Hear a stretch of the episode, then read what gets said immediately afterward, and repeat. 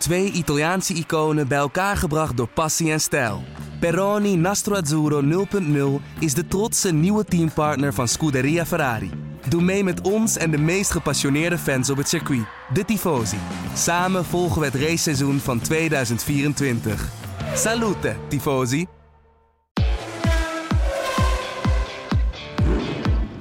Dit is de Formule 1-podcast van De Telegraaf.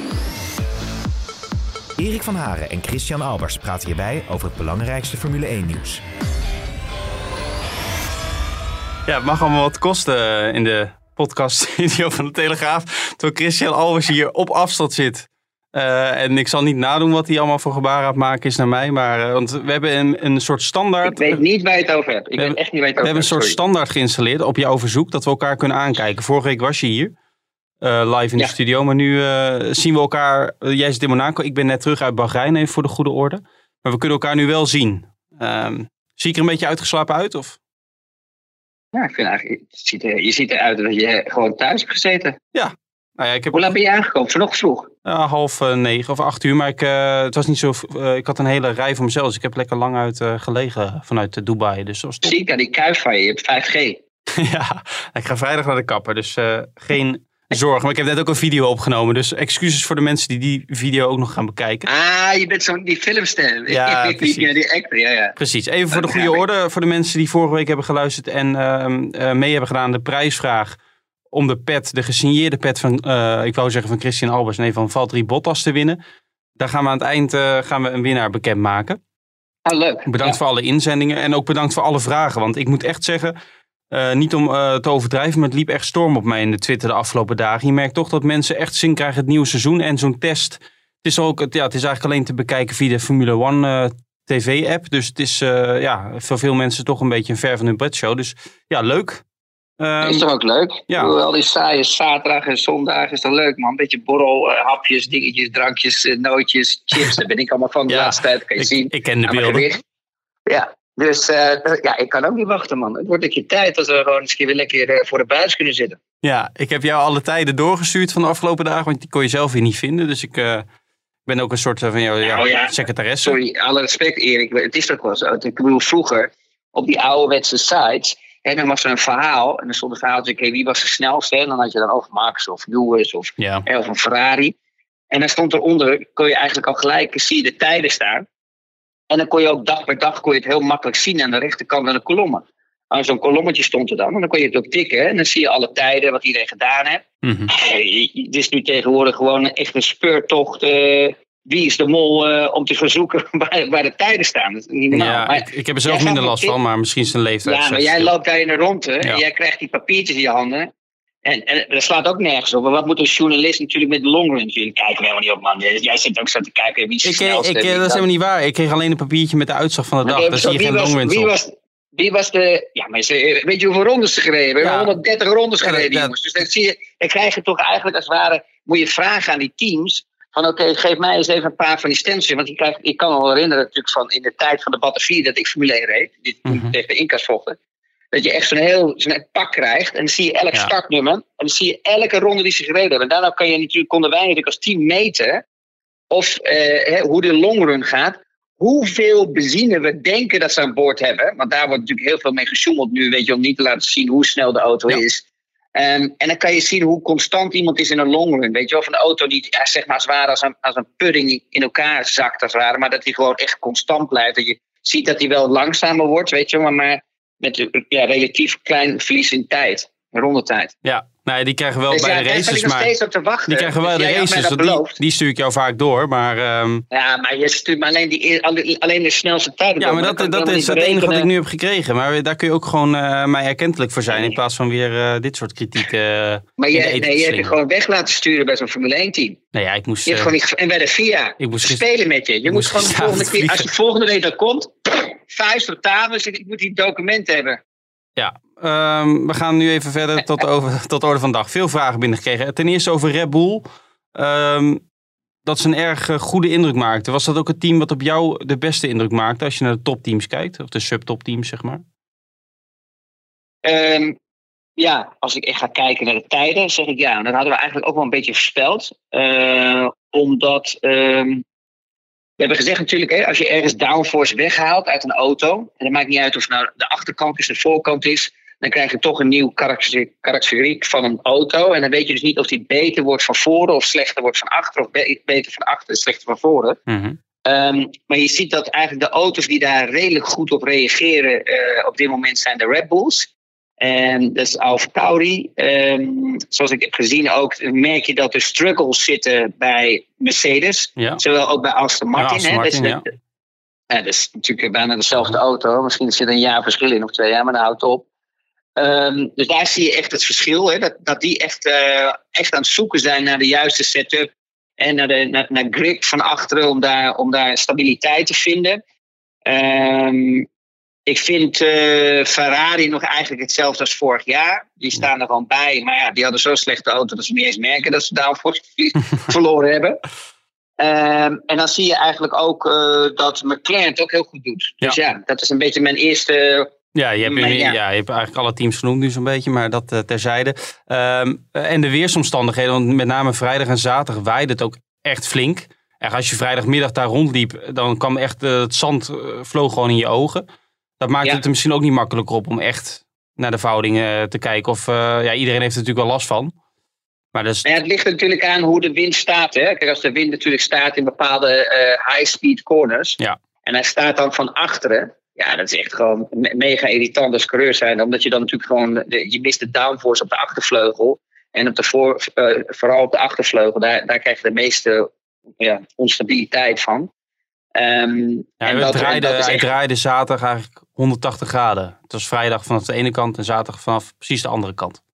Ja, oké, maar dan is voor iedereen wel een beetje gelijk. Maar wat je soms wel eens hebt in sessies, dat hij dus dat bijvoorbeeld hè, dat hij in, in een 10 minuten een kwartiertje begint te draaien.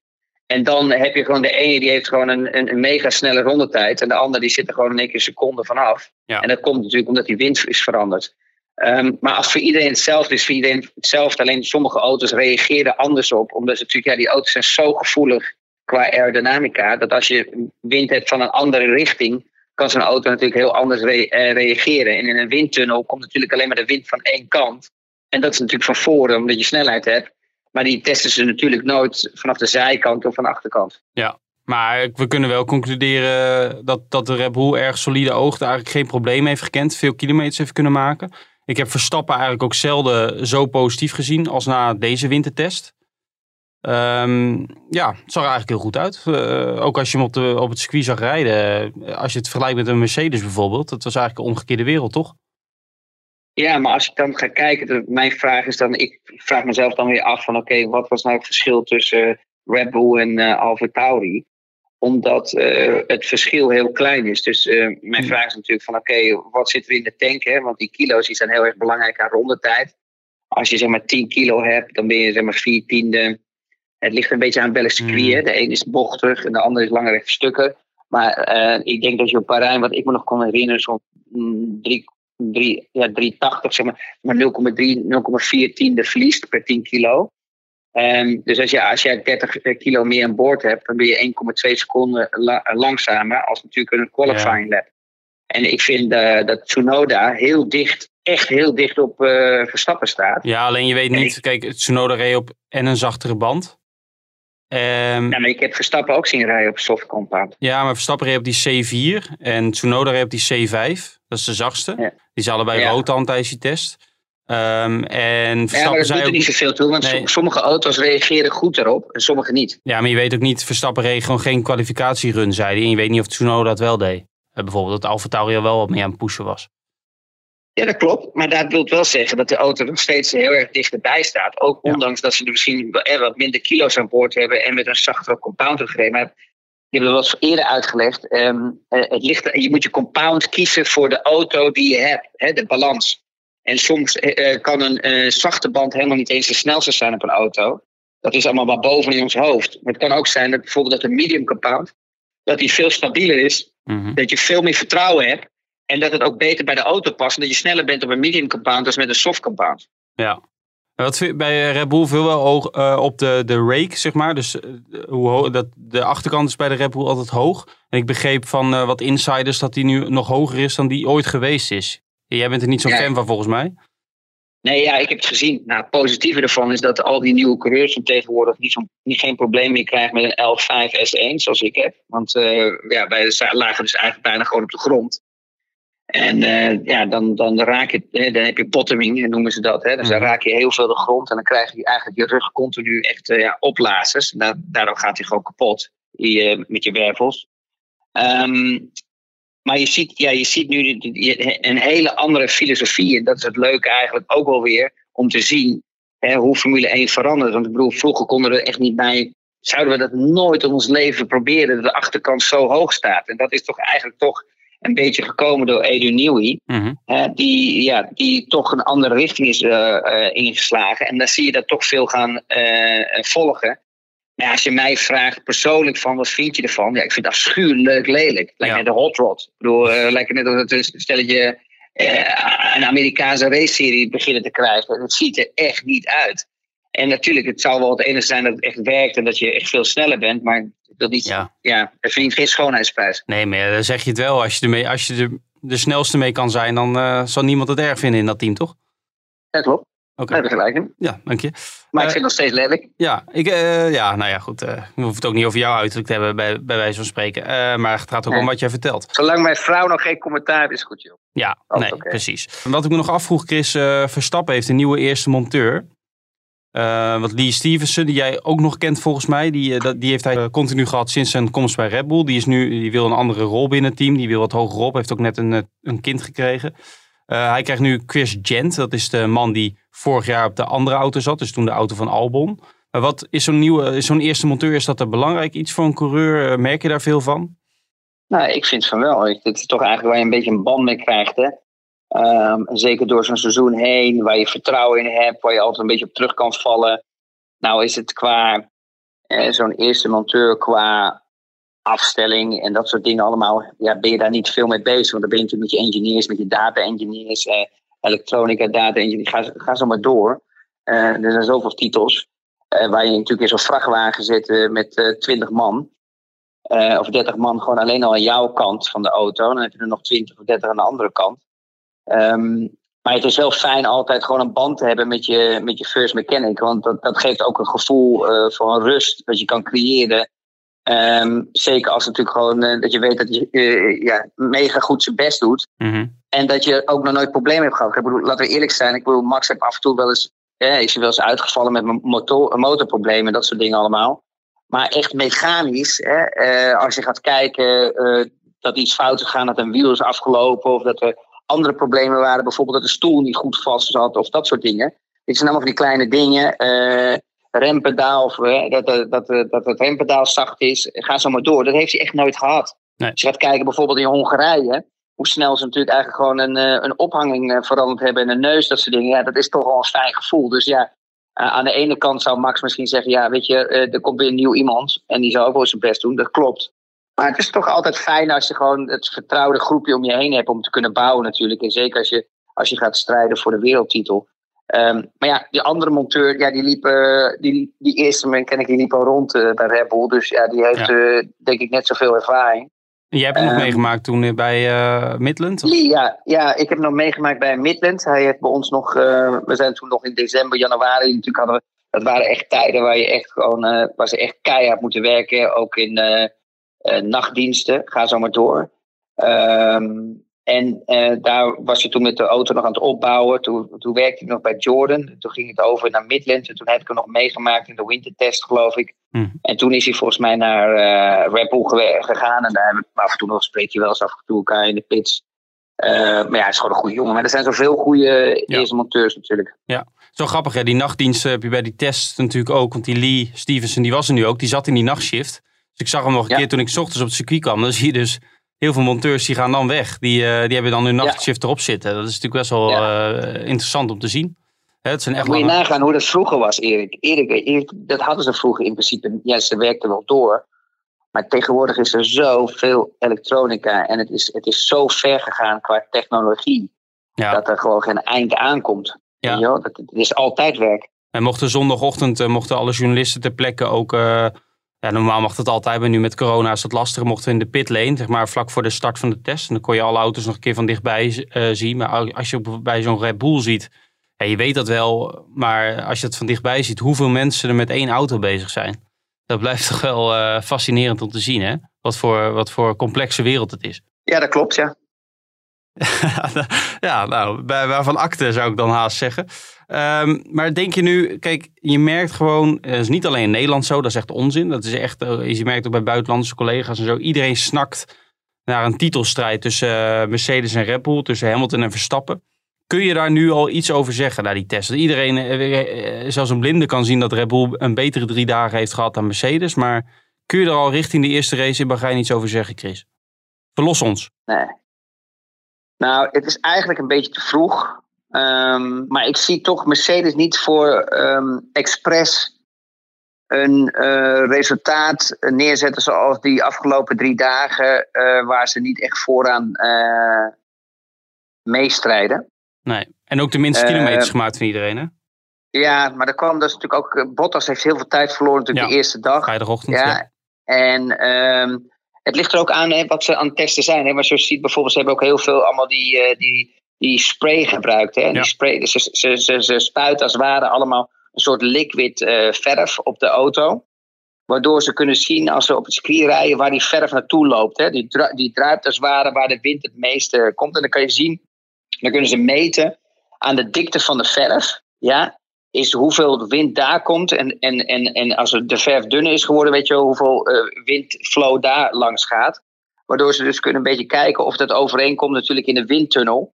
Uh, wat ze allemaal getest hebben natuurlijk in de winter. En of het dus uh, ja, succesvol is of, uh, of niet. Ja, maar dit ging, dus, ik kreeg wat vragen over Mercedes. Maar dit is, kijk, ze zijn natuurlijk bekend om het welbekende sandbagging, zoals ze dat dan noemen.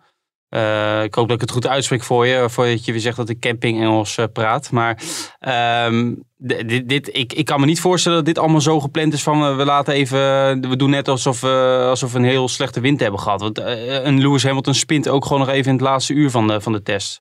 ja, dat klopt. Maar aan de andere kant is natuurlijk ook zo, natuurlijk wat, wat ga je als team, ehm, hoe ga je de test in? Hè? Ga je dat testen in als uh, uh, long distance runs. Ja, dus dat wil zeggen dus natuurlijk dat je in de auto gaat testen dat die in de race zo sterk mogelijk is. Meestal doen ze dat, om heel eerlijk te zijn. want je wilt natuurlijk zo'n constante auto hebben wat mogelijk is. Of ga je natuurlijk, zoals andere teams soms ook testen naar het, het uiterste, de maximale performance over één ronde. Ja. En, en daar, ligt, daar, ja, daar, ligt, daar ligt echt een heel groot verschil. Dat is eh, qua setup en qua programma dat je draait op een dag. is compleet anders. Dus het ligt een beetje aan. Als zij bijvoorbeeld een test doen, wat ik net tegen zei met die verf. Hè, en bijvoorbeeld echt naar eh, lange afstanden kijken of ze constant zijn. Dan kunnen ze een programma draaien wat heel veel tijd kost in de pitch. Om elke keer continu dingen te veranderen. Weet je wel? Mhm. Van, van heel agressief campen te rijden tot minder tot met aerodynamic eh, pakketten, weet je wel, die, die heel veel tijd kosten om erop te bouwen en eraf te halen. Oh, want je, wilt altijd, je moet altijd back-to-back hebben, want anders zie je namelijk niet het resultaat. Dus eh, als je met één, ik noem maar wat, een achtervleugel rijdt die anders is, dan ben je misschien met een achtervleugel eh, of met een sidepod of met een voorvleugel, ben je misschien wel een, een, een, een half uur bezig om eraf te bouwen en erop te zetten. En als je dan een run doet en je komt weer binnen, en je bent weer een half uur bezig om te zetten en dan weer een run, dan ben je dus eigenlijk gewoon in principe eh, bijna eh, eh, zeg maar anderhalf uur kwijt voor één pakket te, te, te testen.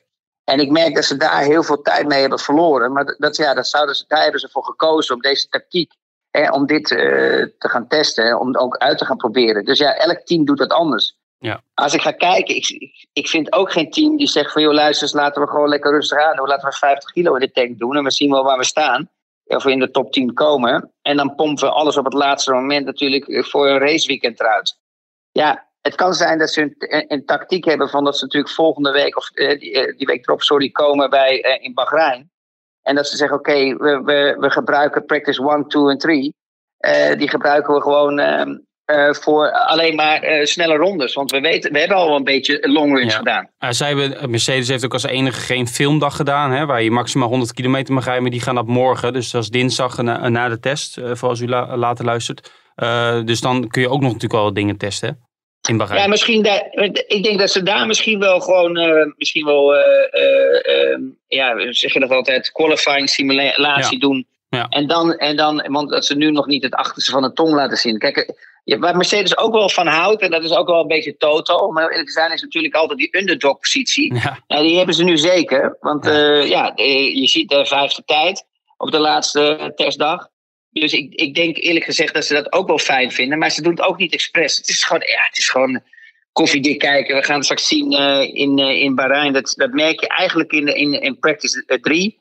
Zullen we gaan zien wat er echt gaat gebeuren. Dan weet je een beetje, want dan gaat iedereen een simulatie doen voor de qualifying. Ja, en, uh, maar je zag toch dat, dat kon je ook goed zien langs de baan. Dat, dat, die, dat Hamilton heel veel last had van overstuur. Had het over de achterkant van de auto die instabiel was.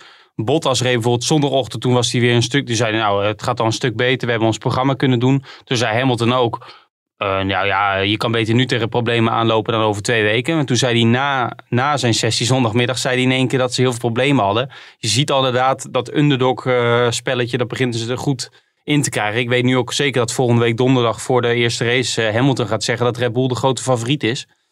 Uh, maar ja, daar zal Verstappen, die, die, die weet dat nu al, dat hij dat gaat zeggen. Die zal er niet van uh, onder de indruk zijn. Maar het, is wel af en toe een beetje flauw, vind ik, dat politieke spelletje. Als je sinds 2014 wereldkampioen bent geworden. Dan kun je ook gewoon zeggen, wij zijn natuurlijk de favoriet. Dat, is dat, zijn we ons aan onze stand verplicht. Ja, maar dat verkoopt geen kranten. En aan het eind van het verhaal willen ze natuurlijk een hype creëren. En dat wil elk Formule 1 team en al die marketingteams. En iedereen die ermee bezig is, zoveel mogelijk publiciteit genereren voor je team en voor je merk en voor je brand. Dus ja, ja het, is, het, het, het, het, verandert niet veel. Ik bedoel, we dit spelletje hebben. Je wilt nooit de competitie laten zien hoe snel je auto is. Want je wilt ze eerst natuurlijk zo, zo laat mogelijk uh, kennisgeving, uh, kennis geven van hoe snel jouw auto is. Dat er gewoon de paniek ook nog eens toeslaat in een, bij een ander team. En als de paniek toeslaat, maken ze ook nog eens een keer vaak nog eens een keer dubbele fouten. Dat ze zo hard doorwerken dat het ook niet Hmm. uh, lukt. Dus ja, dat is altijd dus in Formule 1 politiek gezien. Uh, uh, onder, de, onder de technici is dit altijd het spel geweest. Ja, maar denk je dat er paniek is bij Mercedes? Nou, dat weet ik niet. Kijk, laten we zo zeggen. Ik heb ook gezien dat, uh, dat Lewis ja, problemen had met de achterkant. En dat hij, dat hij veel breaking oversteer had hè, naar hairpin 1. Heb ik ook gezien bij Sky. dat is wel mooi van Sky trouwens, dat je gewoon kan kijken. De hele practice van het hele weekend. Dus dat heb ik ook nog een beetje gekeken. Maar ja, de hele dag door wordt ook een beetje te veel. Ik vertelde het je ook gistermiddag over de herpin 1, maar uh, jammer dat je nu Sky, ah, okay. uh, Sky ah, okay. Ja, maar ik zag het ook. Ja, ah, Oké. Okay. Ja. Okay. Ja. Maar ja, ik heb het beide. Nou, dan heb ik, dan heb ik dubbele informatie. Dat is nog fijn, hè? Maar dat, dat zag ik um, zelfs. Maar, nee, maar, maar, maar, nee, maar we, we, even terug te komen, Erik. Ze gaan, ze gaan, kijk, ze gebruiken nu gewoon die dag. Kijk, die dag die was natuurlijk al ingepland op die dinsdag. Alleen ja. dat wist jij natuurlijk nog niet. Jawel, want Toto Wolf zei... Uh, ah, ja, okay, maar Toto bedoel... zei een paar weken geleden, zei die, wij doen geen filmdag van tevoren, maar we doen het uh, tussenin. Dus dat was wel bekend. Ja, dat dinsdag is oké, okay, dat weet ik nu pas. Maar het was wel bekend dat ze er tussenin nog wat zouden gaan doen. Ja, oké. Okay. Maar in ieder geval, dus dan, dan gaan ze naar zo'n programma toe. Dan, dan, dan werken ze een programma af in die drie dagen, wat ze willen testen. En dan weten ze, kijk, je, als jij in die filmdag mag je maar zoveel ronden rijden, zoveel kilometer. 100, 100, 100 geloof ik. Ja. ja. Nou, met de 100 kilometer kun je geen longrun doen. Dat schiet niet op. Nee.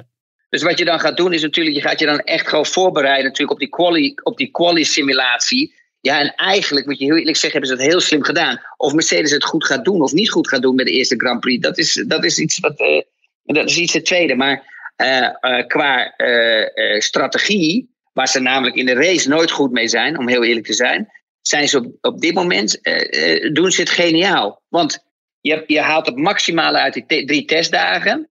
En een qualifying simulatie hebben ze dan de hele dag voor, gewoon alleen maar voor snelle rondes. Ja, stop. Maar ze hebben niet het maximale uit die drie testdagen gehaald. Want ze hebben vrijdagochtend niet gereden. En ze hebben, je ziet dat die auto uh, op, op sommige vlakken helemaal niet functioneert. Dus nou houdt er niet maximaal ja, uit die is, dagen. Maar, maar, dat is gewoon, maar dat is gewoon pech. Maar die 100 kilometer, als jij qualifying erin doet, dan doe je altijd maar weet je, een outlap, een flying lap en inlap. Dat zijn drie rondes. Mm -hmm. That's it. En als, je dat, en als jij die, die, die cameradag gebruikt natuurlijk voor longrun, dat, dat, dat schiet niet op. Want als je naar buiten gaat, ben je al één ronde kwijt. En dan ga je natuurlijk, dan moet je zoveel mogelijk ronden achter elkaar kijken of de auto constant is. Dus het is natuurlijk stom om dat te gebruiken natuurlijk voor die 100 kilometer. Ja. Um... Maar ja, daarvoor hebben zij nu problemen gehad, misschien die eerste drie dagen. Ja, wat Red Bull bijvoorbeeld niet had, die, die die 100 kilometer daarvoor hadden gebruikt. En ja, dat is dan, dan weer het negatieve ervan. Ja, maar ook wat vragen over, um, kun je problemen zoals Mercedes heeft in twee, twee weken verhelpen? Ja, weet je. Kun je onderdelen invliegen, kun je nog van alles doen? Ja, alles. alles. Ze kunnen alles nog doen. Het is zo'n groot team en het is zo geolied. Um, dus dat, dat is echt absoluut geen probleem. Ja, oké. Um, maar nog even één, één ding erover. Ik heb wel het idee dat, maar dat is ook, ja, de, de auto's zijn voor 60% hetzelfde gebleven. Het, het zou natuurlijk wel mooi zijn voor de sport als Red Bull in ieder geval aan het begin van het seizoen er dichterbij zit of in ieder geval op gelijke hoogte staat. Dan krijg je natuurlijk echt een interessante strijd. Of denk je, ja, dat zou geweldig zijn. Als het een halve tiende weer is, of een halve seconde weer is, dan, uh, ja, dan weten we alweer hoe het gaat lopen. Het zou, een, uh, het zou geweldig zijn, ook voor de, de fans en, uh, en ook voor ons. Weet je, het is leuk als er een strijd komt. Ehm, ik vond ook dat Alonso het redelijk goed deed, ja. hè, dat hij erbij staat. Maar dat is nog ook met de vraag, weet je, hoeveel, hoeveel benzine heeft Alpine aan boord? Ja. Dat weten we natuurlijk niet. Maar hij staat er in ieder geval wel bij in de top 10. Oogte wel stabiel in ieder geval, uh, Alpine. Ja, ja zijn ogen stabiel, oog, zijn ogen redelijk snel hè, voor, voor hun doen. Ja. En des te, des te dichter je bij bent in, in, in het seizoen, des te misschien makkelijker het is om, om bij te benen, weet je wel, qua ontwikkeling en zo, dat het gat niet te groot is. Ja. Um, ander... maar het zou geweldig zijn als je gewoon een goed gevecht krijgt, ja. ja. Dat, daar wachten we allemaal op natuurlijk. Ja. een ander team dat best wel opviel was McLaren. Uh, en dan met name, uh, we hebben het natuurlijk over de vloer gehad, die, is aange die uh, noodgedwongen is aangepast bij de teams, maar ook de diffuser aan de achterkant. Um, en McLaren heeft eigenlijk als enige een soort, die middelste geleiders voor die luchtstromen, die hebben ze eigenlijk als het ware aan de vloer, of aan die plank bij de vloer vastgemaakt zodat ze iets meer uh, ruimte hebben daarvoor, zeg maar. Een soort uh, trucje. Uh, ik denk van James Key, hè, jou, jij bent toch voorzitter van zijn fanclub, hè, de technisch directeur van McLaren. Zeker, zeker weten. Ja. Dat weet hij zelf nog niet, maar dat ben ik wel. Ja, precies. Nou ja, misschien kunnen we een keer een, een pad van jou opsturen naar hem, gesigneerd. Hè? Misschien vindt hij dat leuk. die, die, die, heeft hij al wel. Oh ja, er, er is nu in de, in de paddock een ontmoetingsruimte, dus we kunnen met mensen praten. Ja, dus dat zijn kinderen, maar ik weet niet of ze die nog steeds hebben. Die ziet er denk ik wel heel vies uit nu. Ja. Ik denk dat hij al gesneuveld is. Ja, ja. maar, maar, maar zo'n diffuser van McLaren. Ik hoorde ook uh, een fotograaf die, die spioneert, een spionagefotografie maakt voor andere teams. Ja, die werd dan gelijk uh, geïnstrueerd om de foto's daarvan te maken. Dus, uh, denk je dat zoiets snel is? Dat is elle, by the way, dat is elke fotograaf. Want anders kunnen ze al die weekenden niet eens betalen. Nee, bijna alleen, alleen, voor die paar, voor die, alleen voor die paar foto's en zo, dat is bijna niet meer te doen. Nee. Want die, al die grote kranten en ook natuurlijk uh, alle magazines en zo, die betalen steeds minder aan die fotografen, wat schandalig is, weet je wel, voor foto's. Het is allemaal overgenomen door Getty. Getty Images heeft bijna alles nu. Ja, en, ja en, dat is, en dat is echt lullig, want je hebt gewoon heel veel zelfstandige fotografen die gewoon echt uh, geniaal zijn en echt mooie foto's maken en zo. Ja. Maar die zijn nu bijna, die, zijn, worden allemaal geforceerd, ook voor teams nog gewoon extra inkomsten ja, te krijgen om gewoon alleen maar van die spyfoto's te maken. Ja, maar dat is ongelooflijk hoor. Dat is echt helemaal ja. te zeggen. Ik weet dat je ergens anders wat over begint. Ja. Dat is leuk voor die mensen. Het is leuk voor die mensen. Dus dat iemand, moet je nagaan dat je gewoon een fotograaf bent. Hè, in, in, in hak en nieren. en je gaat coole foto's maken en zo. En op een gegeven moment merk je gewoon dat, je, dat het gewoon bijna onbetaalbaar is. Al die dure vluchten, al die dure hotels en alles. En ja. dat die bladen steeds meer, al die fotografen die hun best doen, gewoon steeds meer onder druk zetten, steeds minder willen betalen. En dan op een gegeven moment krijg, komt dan eigenlijk zo'n team bij. En die zegt, joh luister, bij ons kan je ook nog eens een keer extra een beetje op de payroll komen. Om wat foto's te maken. Dus eigenlijk het hele veld, en dat weet ook bijna elk Formule 1 team. Al die fotografen, die zijn, die zijn ook bij. Dat, dat je soms denkt, waar maak je nou in godsnaam foto's van man? Ik sta hier, weet je. Dat dacht ik vroeger wel. Ik denk bij zo. Maar dat is natuurlijk allemaal gewoon spy pictures, weet je, van voorvleugels, van onder. En die krijgen gewoon een checklist. Eh, dat heeft Red Bull ook, en dat heeft Mercedes ook allemaal. Krijgen ze gewoon een lijstje doorgestuurd voor joh, beste puntje, puntje, puntje. Die jij ook wel eens kent en die ik ken en, mm. en heel veel fotografen. Hier willen wij allemaal details, uh, echt, gewoon echte uh, goede foto's van hebben. Ja. En, dan, en, dan, en dat is wel leuk trouwens, want dat heeft hem wel gered. Waardoor ze dus gewoon aan de, aan de zijkant ook gewoon ja, toch uh, in, nog extra inkomsten genereren. Omdat ze er toch zijn. Ja, sinds vorig jaar zie je eenmaal wie ergens bij hoort. Want fotografen die bij ons in de bubbel zitten, die uh, zijn gewoon hun eigen klofje. Maar als je in de paddock in de garage wil filmen, dan moet je ook in de teamkleding lopen van het team waar je bij hoort. Dus dan zie je eenmaal wie uh, ergens bij hoort. Maar uh, zo'n trucje van McLaren, daar wilde ik even heen. Um, ja, is. Dat, is dat snel? Sorry, is, daar kreeg ik ook wat vragen over. Is dat snel over te nemen door andere teams? Kun je dat snel namaken? Dat is natuurlijk de ja, reden dat ze foto's maken. Ja, natuurlijk kan je dat snel namaken. Maar het probleem is, werkt het op een andere auto. Ja. Want je krijgt een totaal andere flow. Nou is het wel helemaal achteraan, dus het is, heeft minder invloed als op de hele auto. Maar, maar de luchtstroom van bijvoorbeeld de McLaren aan de voorkant, ja, die komt halverwege bij de engine cover compleet anders uh, aan. Als dat bijvoorbeeld weer bij een Ferrari of een Mercedes of, of een Red Bull. Dat is compleet anders, omdat, omdat die neus natuurlijk of iets breder is. Als hij iets breder is, dan ligt die luchtstroom alweer verder uit elkaar achterin. Mm Ligt aan hoe de, side, hoe de sidepods zijn. Dan ligt aan de onderkant, hè, naar, de, naar, de, naar de splitter. Dat soort dingen zijn allemaal belangrijk. En dat genereert natuurlijk ook een andere airflow uh, onder die uh, diffuser. Dus ja, door foto's is het super snel te combineren, uh, te, na te maken. Ja. Pardon. Je wordt helemaal excited, joh. Niet normaal. maar als je dat eenmaal neerzet, als, als je dat test op je eigen auto, op je model in de, in de, in de windtunnel, ja. Uh, dan kan het wel eens, dan kan je misschien wel helemaal de plank misslaan, omdat het gewoon niet werkt. Ja, ja. Um, maar wat ook nog, ja, wat wel interessant is, dat McLaren met James Key, uh, ja, daar ben jij natuurlijk wel, uh, en die hebben nu, nu natuurlijk ook een Mercedes motor in plaats van Renault. Verwacht je, ja. die zaten er ook wel aardig bij, vond ik hoor. Dat zag er ook wel goed uit. Ja, ik denk dat ze er dichterbij stonden als vorig jaar. Ja. Om heel eerlijk te zijn. Maar die hele en strijd om middenveld of subtop wordt denk ik nog wel een stuk interessanter. Uh, ja, dat klopt. Ik heb het gevoel dat het dichter bij elkaar staat. In ieder geval die top 5. De vraag is natuurlijk, wat uh, heeft Mercedes nog in petto? Ja. Uh, die hadden natuurlijk al die voorsprong dat ze een hele goede auto hadden. Maar hè, ze moesten de halve auto afbreken. Aan de achterkant natuurlijk, de diffuser. Dat is bijna 40, 50, 60 procent van de auto. Um, dus de vraag is, wat hebben die nog uh, stiekem ergens qua snelheid uh, vergeleken bij de, vergelijk, ja, vergelijkbaar bij de, bij de rest? En dat is een beetje moeilijk in te schatten. En dat is wat ik zeg, dat gaan we echt zien pas echt bij het eerste raceweekend ehm, als alle kaarten op tafel worden gelegd. Ja, nog even Aston Martin, dat viel, ja, ik moet zeggen, als je langs, ik weet niet hoe het op tv was, maar als je langs de baan stond, als je die Mercedes in de verte aan zag komen of de Aston Martin, dat groene van Aston Martin in, het, in, het, in de verte lijkt net zwart. En die auto's lijken natuurlijk, dat is al bijna een identieke auto. Dat is echt lastig om uit elkaar te halen. Maar uh, dat gaat dit jaar nog wel een dingetje worden. Misschien ook voor de tv kijken. Of had jij daar helemaal geen last van? Ligt aan mijn ogen. Nee, ik geef je gelijk. Ik vind dat die, dat groen, dat is een beetje te uh, licht gemaakt. Waardoor dat van afstand een beetje donkergrijs wordt. Hè? Ja. Lichtgrijs, donkergrijs heb ik het gevoel. Um, en dan kom je, ja, net wat je zegt, dan kom je dicht bij Mercedes. Uh, en ik vind dat daar nog wel, weet je wel, bij Formule 1 teams. Als ze nou, als ze nou ergens over hebben qua uh, helmdesign. Dat soort idioterie wat ze een paar jaar geleden hadden, of een jaar geleden. Dat niemand zijn helm mocht veranderen van het design. Ja. Dan zouden ze juist daar iets moeten zeggen van... Oké, okay, luister eens, echt, die, die teams moeten echt een identiteit... Gewoon dat het eruit moet springen, weet je, qua kleuren. Dan is het ook leuker voor mensen natuurlijk op, uh, uh, die gaan kijken, de fans. Want dan zien ze heel snel natuurlijk, kan, je dat, kan je zien, oké, okay, dat is dat team, dat team. Ik vind dat bij Alp, Alp, Alpine kan je het wel redelijk goed zien.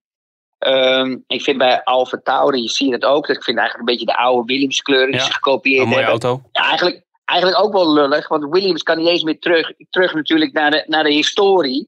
Omdat Alfa Tauri dat gewoon Ja, overgenomen ja, heeft. Eh, Het is een beetje lullig eerlijk gezegd. Um, en ja, Red Bull is altijd hetzelfde. Dat, dat, ja, dat kun je zien van, een- van een afstand altijd. Dat Ja, is mooi. McLaren ook. Ja, Nu- McLaren zie je ja, nu ook. Ja. Dus op dat opzicht eh, hebben we redelijk veel teams die, ehm, die echt eh, ja, eh, het verschil maken in het veld bij de start, dat je iets kan zien. Ja, maar net wat je zegt, ik vind Aston Martin, die, ze hebben die kleur groen veel te eh, ja, licht gemaakt. Dat had wat agressiever kunnen zijn. Maar en uh, Aston Martin sowieso niet echt een geweldig weekend nog hoor. Vettel was ook degene die het minst heeft gereden van iedereen. Ehm, ja, kan ik echt, vind ik echt nog heel lastig inschatten. Maar die hebben best wel wat problemen gehad. Ook gistermiddag nog weer. Zondagmiddag.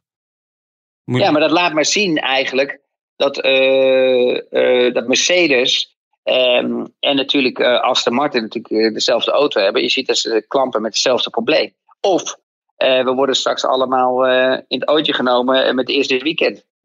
ja, dat is nog En daar staan ze vooraan. Ja, dat, dat moet je natuurlijk ook in je achterhoofd rekening mee houden. Ehm, ja, ik heb veel vragen een beetje op een hoop gegooid. Anders wordt het echt te veel. Ik ga er nu nog twee uitlichten. met jou goed vinden. Poelie die vraagt, eh, hoe gaan de sprintraces eruit zien? En gaat dit invloed hebben op de te verdelen punten voor het WK? Nou, eh goede vraag. De Formule 1 gaat dit jaar dus eh, experimenteren. Dat, is, het groene licht moet nog worden gegeven, maar dat, dat gaat echt wel gebeuren. Wordt drie keer wordt er zo'n sprintkwalificatie verreden op zaterdag. Ja, dat bepaalt gewoon de volgorde voor de, voor, de, voor de race op zondag. Het is niet een reverse grid waar eerder over werd gesproken. Het gaat waarschijnlijk gebeuren in Silverstone, Monza en Interlagos. En de, van de kwalificatierace op zaterdag krijgen ze de nummers 1, 2 en 3 krijgen waarschijnlijk 3, 2 en 1 punt.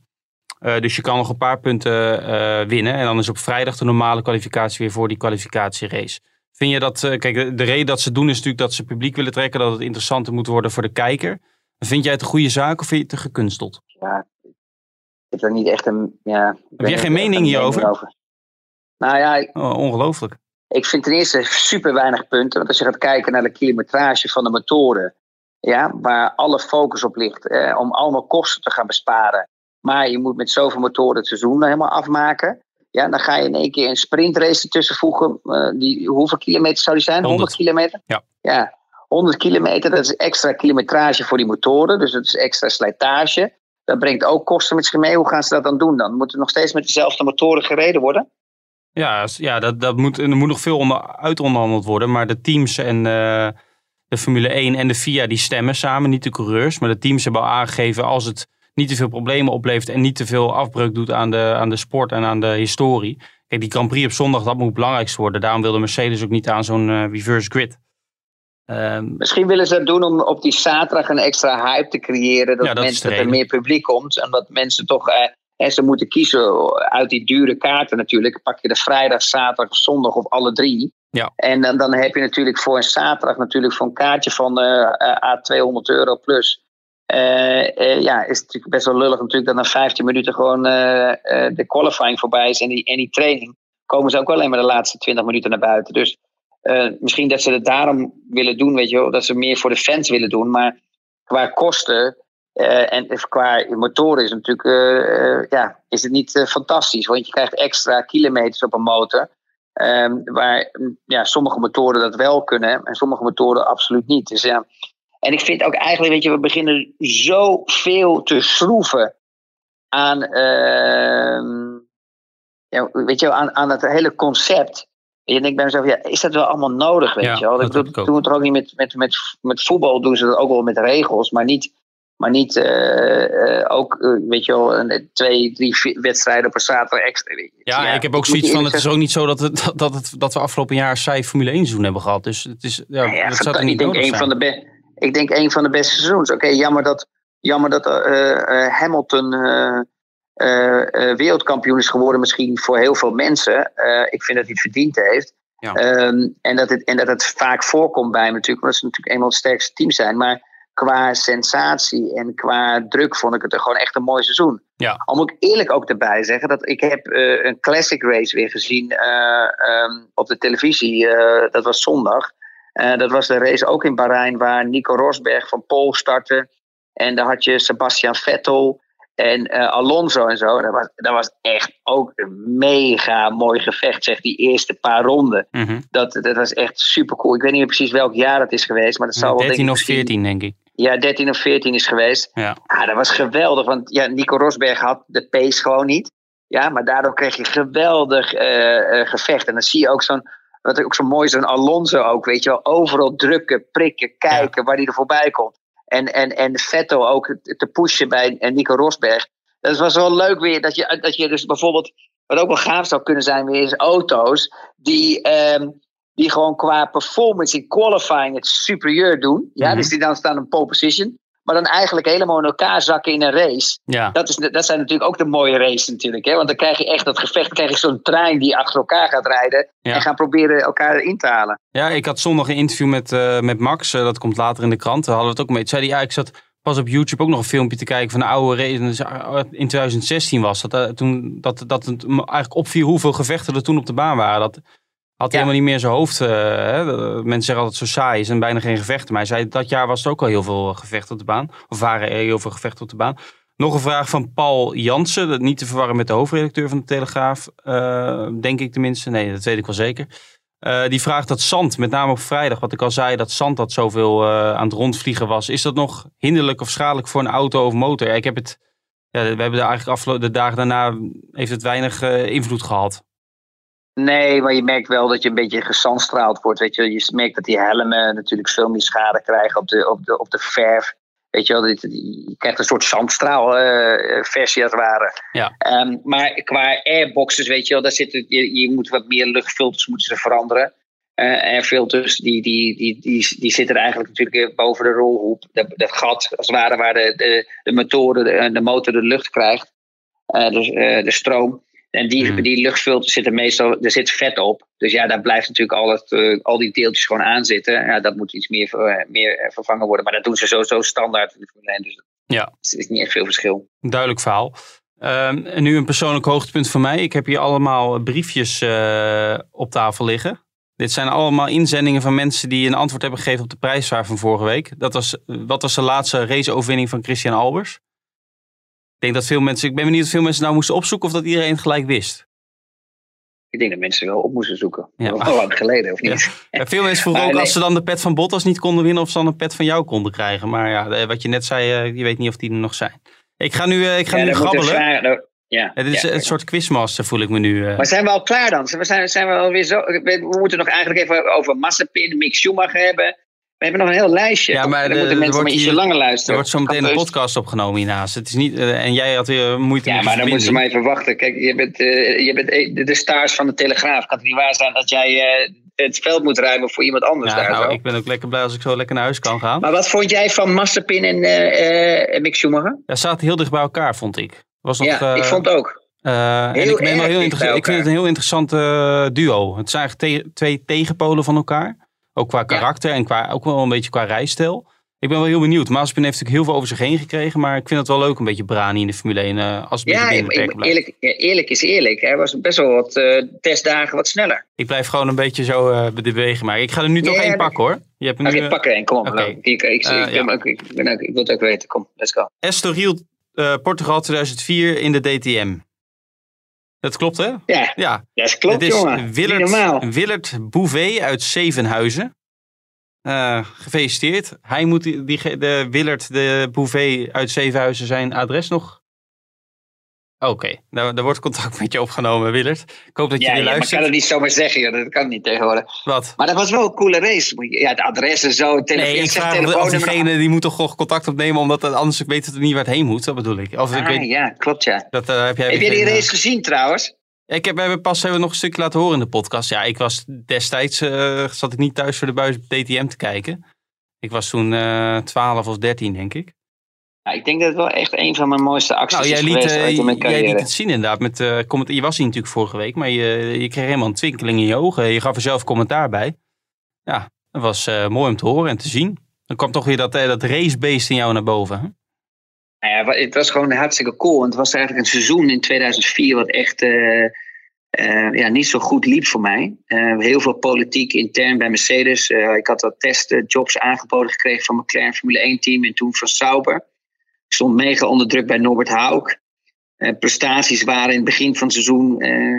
ja, klom Gary Paffett op natuurlijk. Was een nieuweling, geen druk, niks. Dus die kwam lekker rijden. Dus ik kreeg wel een beetje op mijn om mijn laser. En op een gegeven moment waren er gelukkig twee circuits, waar, of drie circuits die kwamen, waar Mercedes wel competitief kon zijn. En ja, eentje daarvan was natuurlijk Estoril. Dat was ook de, echt de enige waar ik ooit zo'n actie heb gehaald. Twee auto's in te halen ja. bij, bij, naar het rechte stuk. dus twee auto's ingehaald. En ehm, was ook de eerste keer dat ik echt van Mercedes een gigantische bonus had ontvangen. Kun je die bonus met ons delen? Nou, ik kan er ik kan, er, ik kan er een leuk huis van kopen.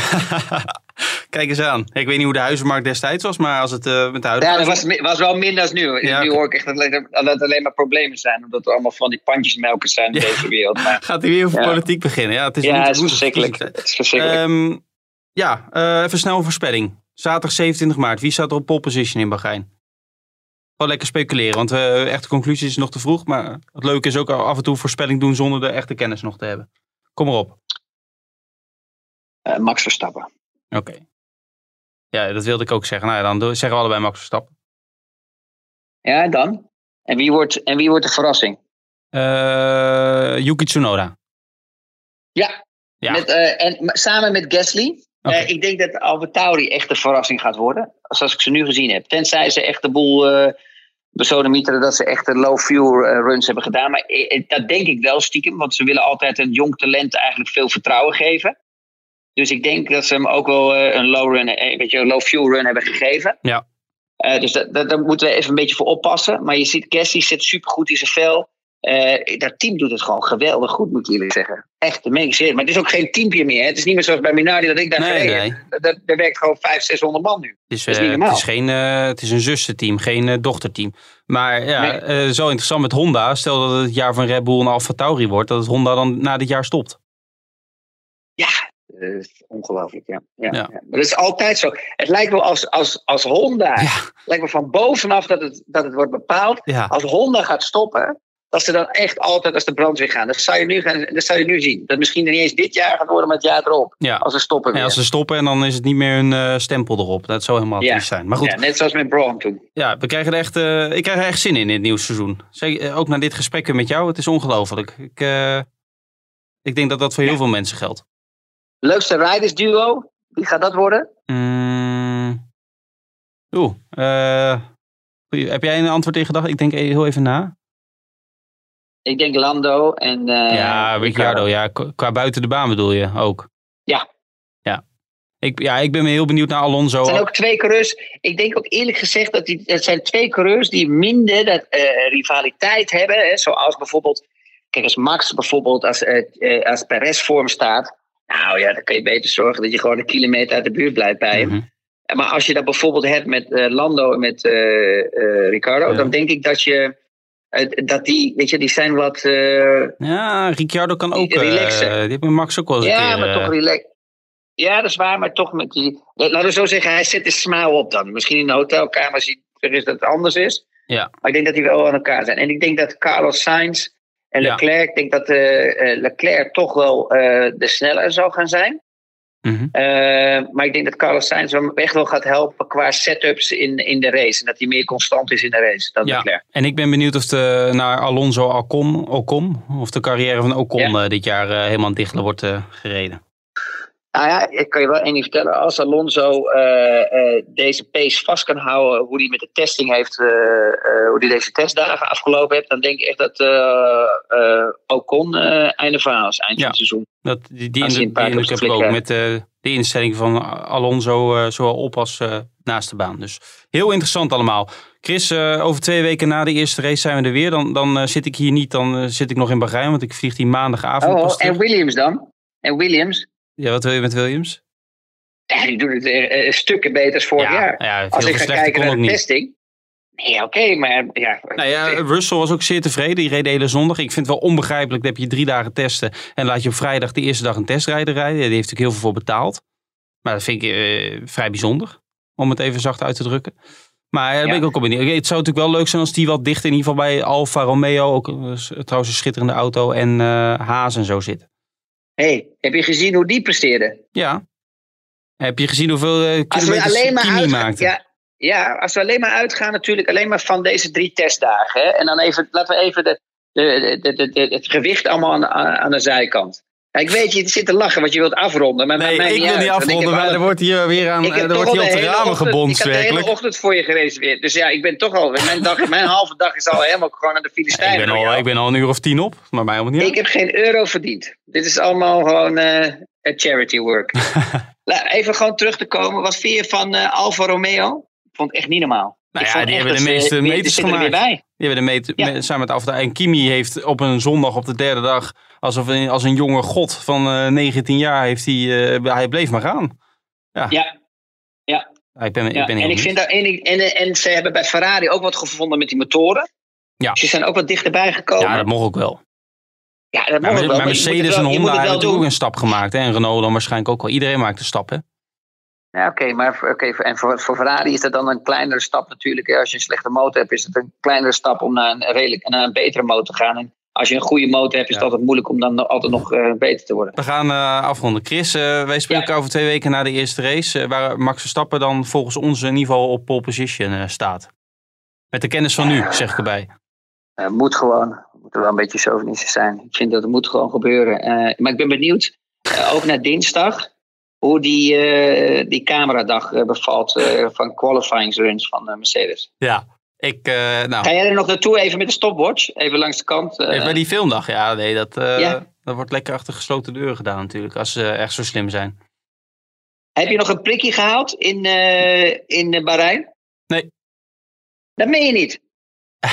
en ik hoorde dat de, bijna het halve Formule 1 veld het wel heeft gedaan. Nou, misschien nog wel meer dan de helft. Ook veel uh, fotografen, uh, freelancers. Ik geef, ik geef, ze allemaal groot gelijk. Als al die vaccins daar toch liggen. Ja. Het is beter dat het allemaal gebruikt wordt dan dat het weggegooid wordt. Want ik weet niet, ik zou ook niet weten wat de houdbaarheid is.